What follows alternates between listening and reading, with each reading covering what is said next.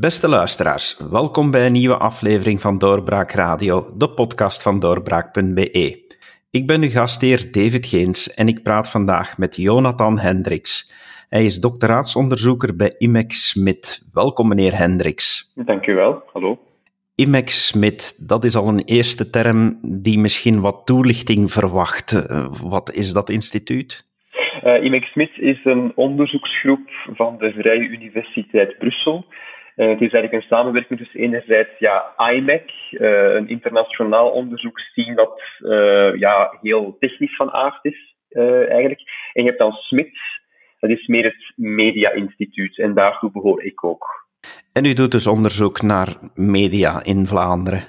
Ja, dat klopt. Mijn doctoraat gaat over de mogelijke gevolgen van verhoogde mediaconcentratie in de Vlaamse mediamarkt op de diversiteit van de berichtgeving in de Vlaamse media. En hoe zit het nu eigenlijk met die mediaconcentratie? Wat, uh, wat stelt u daar vast? Ja, over die concentratie, daar stel ik niet veel over vast. Dat doet de Vlaamse regulator voor de media. Um, en zij stelt al jarenlang vast dat eigenlijk die concentratie uh, gestaag toeneemt. Het aantal spelers in de Vlaamse markt dat die, dat die mediamerken bezit, neemt af. Recente voorbeelden zijn de fusies tussen Corelio en Concentra tot Mediahuis. Is al enkele jaren zo. Recenter is de fusie van de persgroep en Medialaan tot DPG Media wat nu zo'n grote New City gebouw heeft in Antwerpen bijvoorbeeld. Dus die mediaconcentratie, die neemt toe, daar is geen twijfel over mogelijk. De grote vraag nu is, en een vraag die ik dus in mijn onderzoek probeer te beantwoorden, heeft dat ook effectief gevolgen op de diversiteit in nieuws? En zo ja, wat zijn die dan? Eh, laat ik de vraag dan maar meteen stellen: van, heeft dat gevolgen? Hebt u daar al uh, antwoorden op? Ik heb daar antwoorden op, maar nog geen sluitende, want mijn doctoraat is nog niet af, voor de duidelijkheid. Ik heb nog een aantal maanden te gaan in mijn traject. Um, maar ik heb al wel onderzoeksresultaten die ook gepubliceerd zijn in wetenschappelijke tijdschriften, in gepeer-reviewde artikels, dus ik mag daar wel uitspraken over doen. Een eerste groot luik van mijn onderzoek was namelijk dat ik um, heel veel tijd heb doorgebracht bij een mediahuis, dus het fusiebedrijf van Corerio en Concentra. Specifiek heb ik um, op anderhalf jaar tijd ruim 60 dagen doorgebracht op de redactie van het Nieuwsblad, de grootste krant van Mediahuis en de tweede grootste Vlaamse krant. En ik heb eigenlijk gekeken uh, naar hoe Mediahuis probeerde om die redacties om te vormen tot digital first-based newsrooms, zoals dat heel officieel heet, waarbij dus eigenlijk wordt geprobeerd om um, het online aspect meer prioriteit te geven boven het krantenaspect.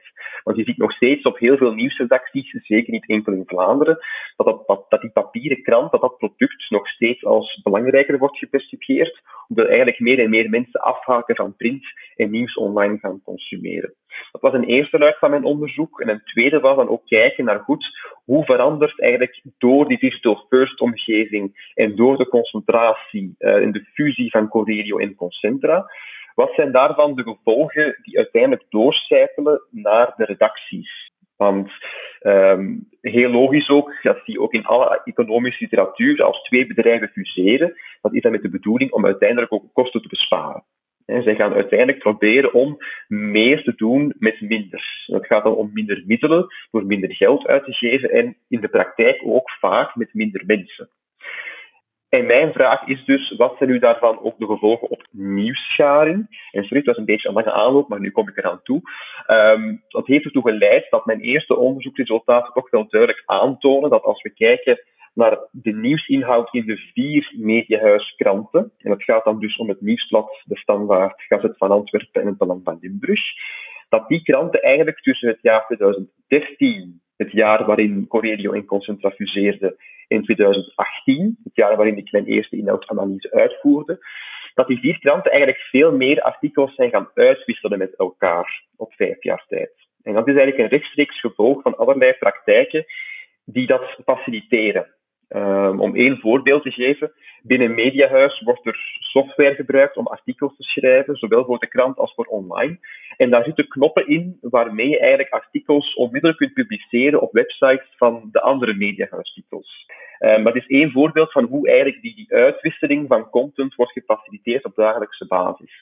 En mijn onderzoeksresultaten tonen dan uit dat eigenlijk in 2013 er toch ook al een derde was van het totaal aandeel artikels dat in minstens twee van de vier kranten identiek verscheen. Vijf jaar later, in 2018 dus, ging het eigenlijk al om iets meer dan de helft van alle artikels. Dus dat is toch wel een duidelijke stijging daarvan. Dus dat zijn de resultaten die ik tot hiertoe al heb en uh, mag meedelen, ja. Dus dat wil eigenlijk zeggen dat twee kranten uit dezelfde groep kopen, dat dat een beetje overbodig wordt, want dat je toch voor een heel stuk hetzelfde nieuws gaat lezen. Uh, dat klopt tot op zekere hoogte, ja. Het is natuurlijk ook wel zo, in het voordeel van de kranten dan, um, ze moesten zich noodgedwongen terugplooien op hun kerntaken, hè, want ja, de economische situatie in de journalistiek is ook niet tenderend. De redacties zijn moeten inkrimpen qua personeelsbestand, qua middelen en qua taken en functies, waardoor het inhoud wordt gedeeld. Maar anderzijds wordt ook geprobeerd om dat net tot iets positiefs te maken en net als de kracht te maken. Uh, je ziet bijvoorbeeld dat de regionale titels, het Belang van Limburg van Antwerpen, dat die meer dan ooit inzetten op die regio-berichtgeving, want dat is eigenlijk hun unique selling point. Dat heeft als gevolg dat bijvoorbeeld het van Antwerpen eigenlijk geen enkel uh, eigen buitenlands nieuwsartikel meer over heeft. Al die artikels worden eigenlijk overgenomen van het nieuwsblad of van de standaard. Maar dat wordt dan verpakt en verkocht, en ik denk ook wel zeker terecht, laat dat ook heel duidelijk zijn, als goed. Wij als Gezet van Antwerpen gaan ons nu terugplooien op ja, Antwerpen, waar wij voor staan, waar wij vandaan komen. En dus inzetten op die Antwerpse berichtgeving, maar uiteraard wel met een personeelsbestand dat flink is moeten inkrimpen. Dat wel zulke diversiteit in het medialandschap, waarbij verschillende invalshoeken benaderd worden, ja, die staat dan voor een stuk onder druk, leid ik daaruit af.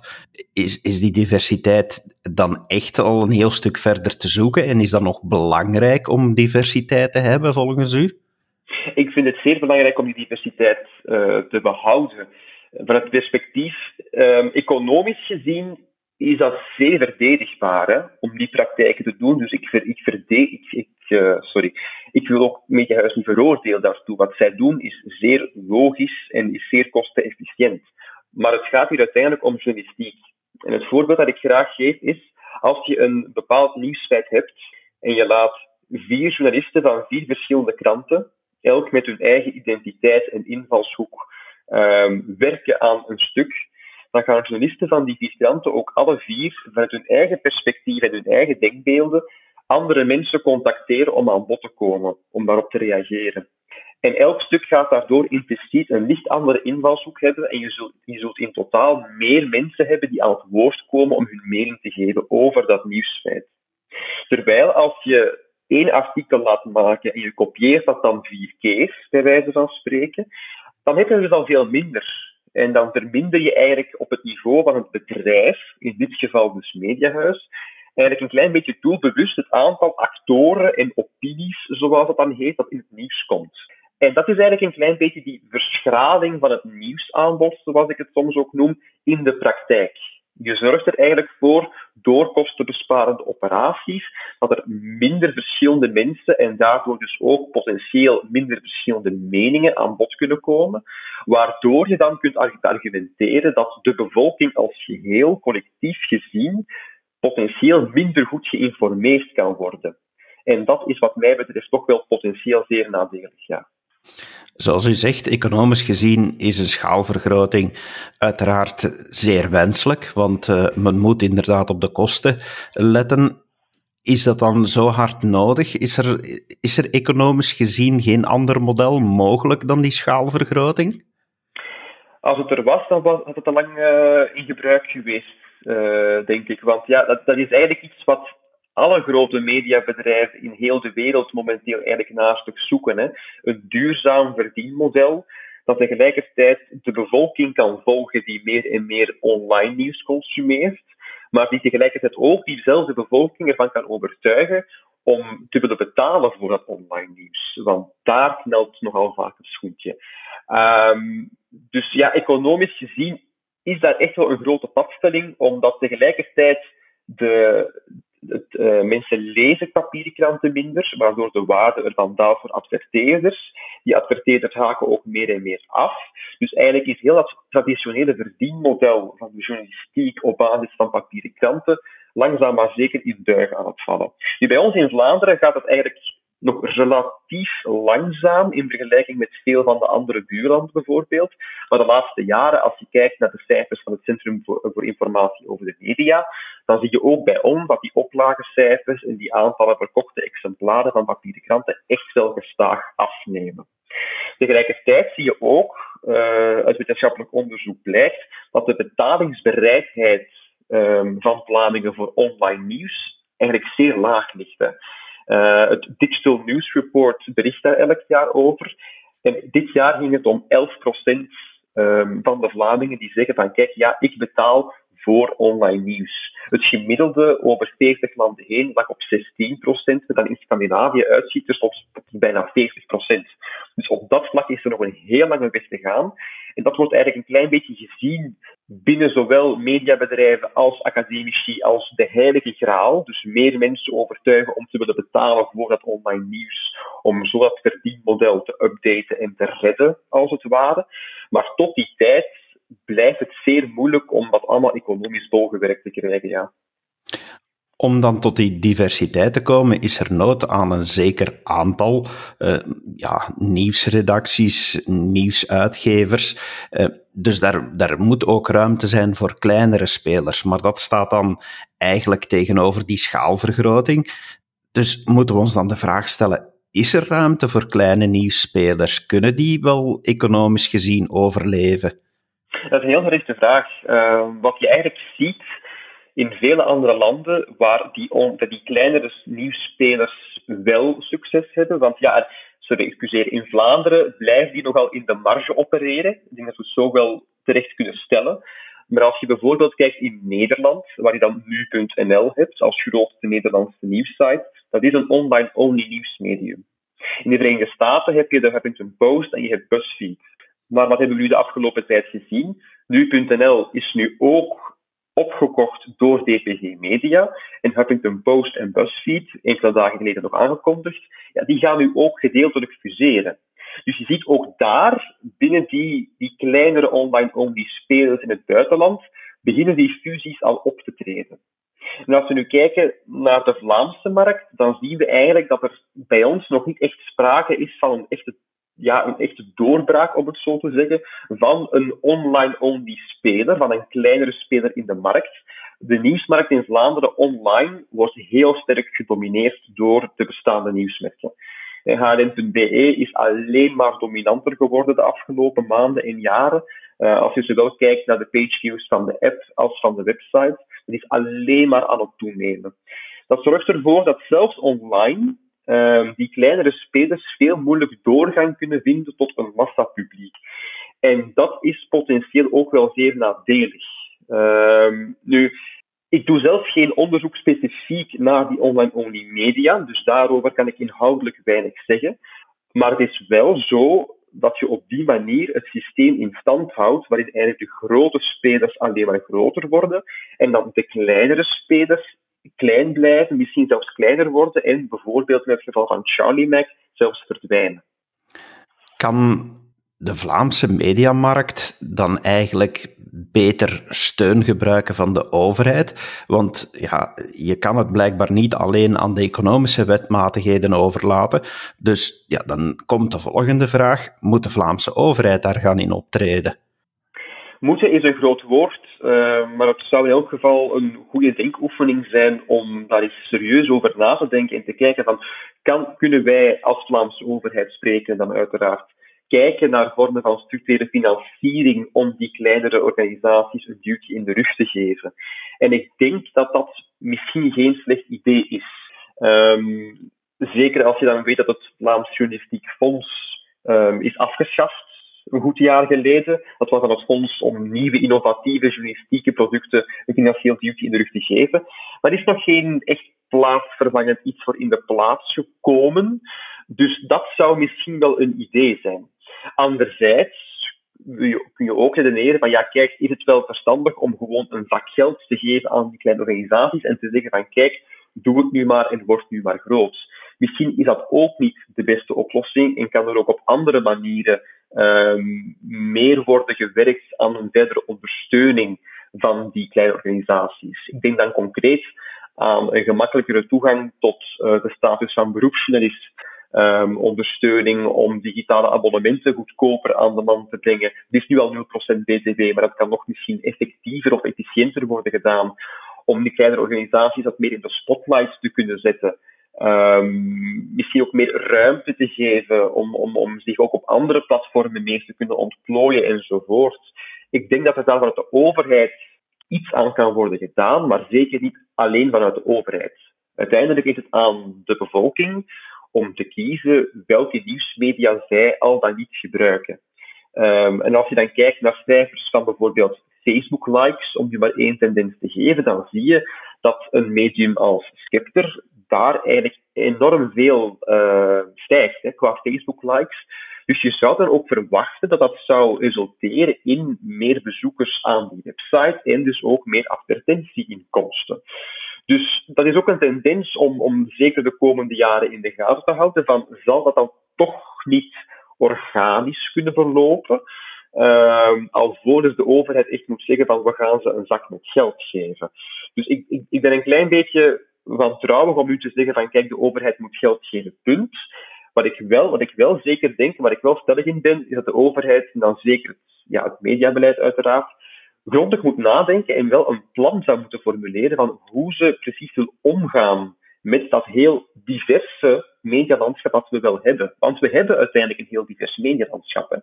We hebben heel grote, machtige spelers, maar daarnaast is er ook door bijvoorbeeld Media 21 en alle media die daaronder vallen, een heel divers amalgaam van uitgesproken nieuwsmedia, um, die ook vaak een expliciete mening uh, of, standpunt uitdragen, waarvoor de duidelijkheid niks mis mee is. Um, maar om dat dus beter te kunnen ondersteunen op misschien wel ook een iets eerlijkere manier dan nu het geval is, dat is wel iets waar de Vlaamse overheid wat mij betreft uh, mee aan de slag kan. We hebben nu onlangs gezien dat de Vlaamse overheid wel uh, ja, toch behoorlijke zakgeld geeft aan de grote. Uh, tegelijk is dan het Vlaams Journalistiek Fonds, dat u ook al vernoemde, afgeschaft. Is niet een beetje het probleem van, de, van Vlaams beleid dat ze mee in de hand werkt dat de grote groter worden en de kleine klein blijven, op zijn minst, door, door daar niet voldoende over na te denken? Ja, dat wel. Um, ik, ik, begrijp die gedachte volledig. Um, alleen is het ook belangrijk om hierbij te zeggen ja, die, die sommen die aan Mediahuis drie jaar geleden en nu onlangs aan, aan DPG Media zijn gegeven, dat zijn geen mediabeslissingen. Hè. Dat zijn economische beslissingen van de Vlaamse overheid. En ik begrijp dat daardoor de perceptie heel erg wordt gevoed van kijk, ze geven geld aan de grotere, maar niet aan de kleinere. Maar het is ook belangrijk om te weten dat die grote mediaspelers naast het geld dat ze krijgen, ook zelf nog ettelijke miljoenen moeten investeren. Um, ze krijgen dat geld ook niet zomaar, daar hangen voorwaarden aan vast. Ze moeten bijvoorbeeld ook voldoende economische return voor de Vlaamse economie verzorgen, al dan niet in het geval van extra personeelsleden bijvoorbeeld. Dus daar zit wel degelijk een mechanisme achter. De vraag dan is, is dat mechanisme wel het best mogelijke? En is het dan wel verdedigbaar dat je aan een groot mediabedrijf geld geeft en dan niet aan een klein mediabedrijf geld geeft? Want nu zijn we dus aan het praten over die strategische transformatiesteun die die mediabedrijven hebben ontvangen. En het is inderdaad zo, uh, kleinere mediaspelers in de Vlaamse markt kunnen die vaak niet aanvragen omdat ze een andere bedrijfsvorm hebben. Um, ehm, VZW's bijvoorbeeld kunnen geen aanspraak maken op die transformatiesteun, maar verschillende kleinere nieuwsorganisaties zijn VZW's en ook niet meer dan dat. En zij vallen dus daardoor al meteen buiten de boot. Dus misschien is het dan eigenlijk geen slecht idee om, om een soort van transformatiesteun op te richten, die dan specifiek gericht is op het mediabeleid, waarin er dan een gelijker speelveld kan worden getrokken, in de mate van het mogelijk uiteraard, tussen de grotere en de kleinere spelers. Wat kunnen die kleinere spelers volgens u zelf beter doen? Die kleinere spelers kunnen zelf proberen om zoveel mogelijk burgers aan zich te binden. Uh, door en dat doen ze wel heel goed, denk ik, overwegend, een, een sterke aanwezigheid op sociale media en heel duidelijk te maken waarin zij het verschil maken. Uh, want volgens mij is dat ook net de toegevoegde waarde van die kleinere spelers. Niet per se waar ik het mee eens hoef te zijn, maar dat is ook helemaal niet nodig. Maar zij maken wel het verschil door vaak, niet altijd, duidelijke standpunten in te nemen in bepaalde zaken. Um, je mag het eens of oneens zijn met de visie van Skepter. Ik ken, ik ken heel veel onderzoekers die dat niet als een nieuwsmedium zien, maar je kunt niet ontkennen, ze brengen diversiteit in het nieuwsaanbod op een manier waarover je veel kunt discussiëren. Maar ze brengen dus diversiteit door die, die andere kijk te brengen die de grote spelers niet brengen. En dat is eigenlijk een klein beetje wat ik dan wil bedoelen met het, het aan twee kanten. Enerzijds, diversiteit is goed. Iedereen vindt diversiteit iets positiefs. Maar er is eigenlijk geen enkel wetenschappelijk vastgelegd punt waarop die diversiteit te goed is of te slecht is, of wanneer er meer of minder nodig is. Er is eigenlijk een heel grote lacune in, in heel die discussie, waar ik zelf ook geen antwoord op heb, voor de duidelijkheid. Hè. Want ik denk ook niet dat er een eenduidig antwoord op te geven valt. Het wordt een constant afwegen van willen we aan dit specifieke medium um, financiering geven om verder te gaan met de berichtgeving zoals dat nu gaat. En wat mij betreft als onderzoeker, um, mag elk medium dat voldoet aan, aan de kwaliteitseisen opgesteld van de Raad van Journalistiek, gerust financiering krijgen om dat mogelijk te maken. Maar dat is dan wel een harde voorwaarde om dat ook effectief gedaan te mogen krijgen. Um, dus in dat geval denk ik dat ook op dat vlak de kleinere mediaspelers, en ik veralgemeen nu uiteraard, ook nog meer verschil kunnen maken door zich effectief ook wel te schikken naar die code van de Raad van Journalistiek, die kwaliteitsjournalistiek actief uit te willen dragen en daarin dan ook het verschil te kunnen maken met de grotere spelers. We hadden het daar straks al, als we het over die grotere spelers hebben, ja, dan hebben we het over eh, heel vaak DPG Media en Mediahuis. Maar een andere grote speler is natuurlijk ook de VRT, die zeer zwaar gesubsidieerd wordt, want uh, ja, dat is uh, quasi het monopolie uh, wat toch het financiële betreft van de overheid. Is dat nog nodig in een medialandschap de dag van vandaag? Ik ben feitelijk van mening dat dat uh, nog steeds nodig is, ja. Um, ik denk dat er heel veel terechte vraagtekens kunnen worden gezet bij de financiering van de VRT als omroeporganisatie. Uh, maar specifiek wat nieuws betreft vind ik het zeker nuttig uh, voor nu en ook voor de komende jaren dat er een sterke, onafhankelijke, en dat is heel belangrijk, openbare omroep is die durft te berichten over wat er gebeurt in de wereld zonder daarbij beïnvloed te worden door uh, commerciële gedachten zoals adverteerders. Nu, is VRT Nieuws 100% van de tijd altijd goed bezig? Nee, maar geen enkel nieuwsmedium is dat. Um, ik doe geen onderzoek naar VRT Nieuws, dus ik kan daar geen uitspraken over doen voor de duidelijkheid. Maar algemeen gezien is het wel een consensus binnen de academische literatuur bijvoorbeeld dat eigenlijk een sterke openbare omroep ook de commerciële spelers sterk houdt. Uh, het is net door die openbare omroep dat de commerciële spelers ook het beter moeten blijven doen. En dat zij ook hun best moeten blijven doen om zoveel mogelijk kijkers, lezers, luisteraars aan zich te binden, net omdat zij afhankelijk zijn van die commerciële inkomsten. Uh, maar tegelijkertijd is dat ook een tendens die je ziet bijvoorbeeld in Scandinavische landen de laatste jaren, dat ook commerciële spelers eigenlijk vormen van structurele overheidsfinanciering krijgen. En ik denk dat die strategische transformatiesteun um, wel eens een opstapje zou kunnen zijn naar een discussie daarover, waarin ik voor de duidelijkheid nog geen standpunt inneem. Maar wat zie je bijvoorbeeld in landen als Noorwegen en Denemarken? Um, daar krijgen ook de commerciële uh, televisieomroepen bijvoorbeeld structurele financiering voor hun nieuwsaanbod dat zij aanbrengen. En ook net dan met de bedoeling om ook dan weer die openbare omroep te blijven uitdagen om het goed te blijven doen.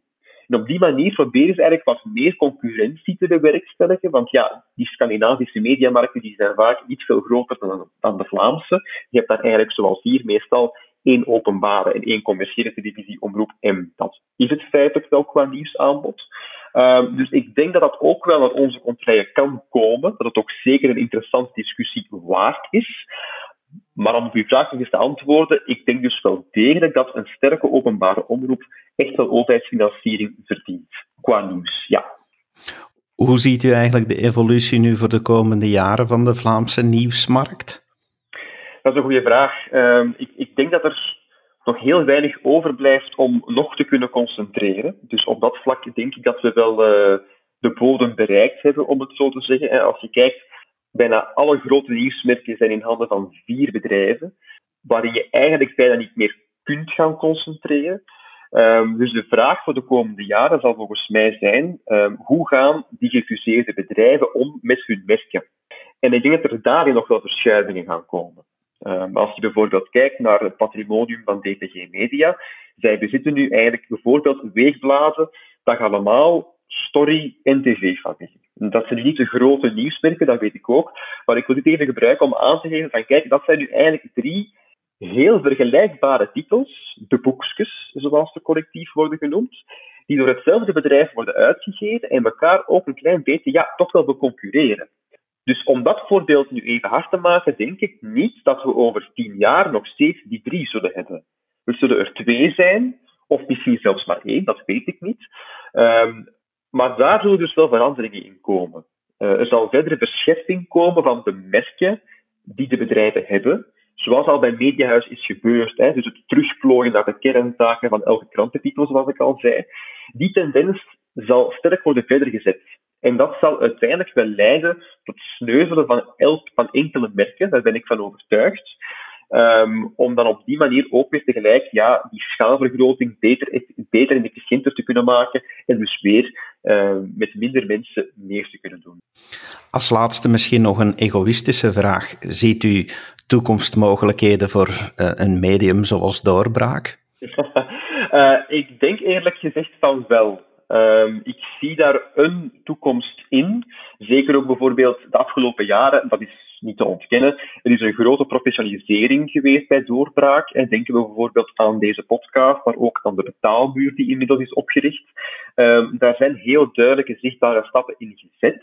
Um, nu specifiek over doorbraak, omdat u het vraagt, denk ik ook dat het zeker de moeite is om het verschil te blijven maken door duidelijk aan te, aan te blijven scherpen van kijk, wat doen wij nu anders dan die grote merken. Waarin maken wij het verschil? Waarin bieden wij voor de bevolking of een deel van de bevolking nu echt toegevoegde waarde? En ik denk dat dat er wel kan zijn, dat een deel van de bevolking zich, daar ook echt in kan vinden en ook wel op termijn heil zal zien in daarin voor te willen betalen. Die betalingsbereidheid die ik eerder aanhaal, die is stijgende. Het gaat langzaam, maar het is stijgende. Uh, je ziet ook die versplintering van het nieuwsaanbod die zal zich ook voortzetten. Uh, we zullen meer verschillende nieuwstitels gaan consumeren van verschillende merken. En dan denk ik ook dat als doorbraak het verschil kan blijven maken, dat er ook zeker wel een duurzame toekomst kan inzitten. Al betwijfel ik ook, eerlijk gezegd, en oprechte excuses, dat het moeilijk zal zijn om echt door te breken tot die massamedia. Um, omdat die de, de, bedoeling hebben om iedereen te informeren, en met dan de lowest common denominator, zoals het in, het Engels heet. Terwijl doorbraak, zoals de andere online-only media, toch wel vrij specifiek kan worden geacht in wat zij willen uitdragen. Um, dus het zal altijd voor een bepaald segment van de markt blijven, maar wat mij betreft zit daarin nog wel heel veel groeimogelijkheid. Dat is iets wat we zeker ter harte gaan nemen. Meneer Hendricks, dank u wel voor dit zeer interessante gesprek. Dank u wel. En u, beste luisteraar, dank u wel dat u hebt afgestemd op onze podcast. Blijf zeker luisteren. En zoals u gehoord hebt, wij hebben ook natuurlijk steun nodig om blijven door te gaan. Dus surf eens naar doorbraak.be slash steun en zorg ervoor dat we de middelen vinden om blijven door te gaan. Dank u wel en tot de volgende keer. Dag. Dit was een episode van Doorbraak Radio, de podcast van doorbraak.be. Volg onze podcast op doorbraak.be/slash radio of via Apple Podcasts, Overcast of Spotify. Bezoek ook onze website op doorbraak.be en steun ons door een vriend te worden van Doorbraak.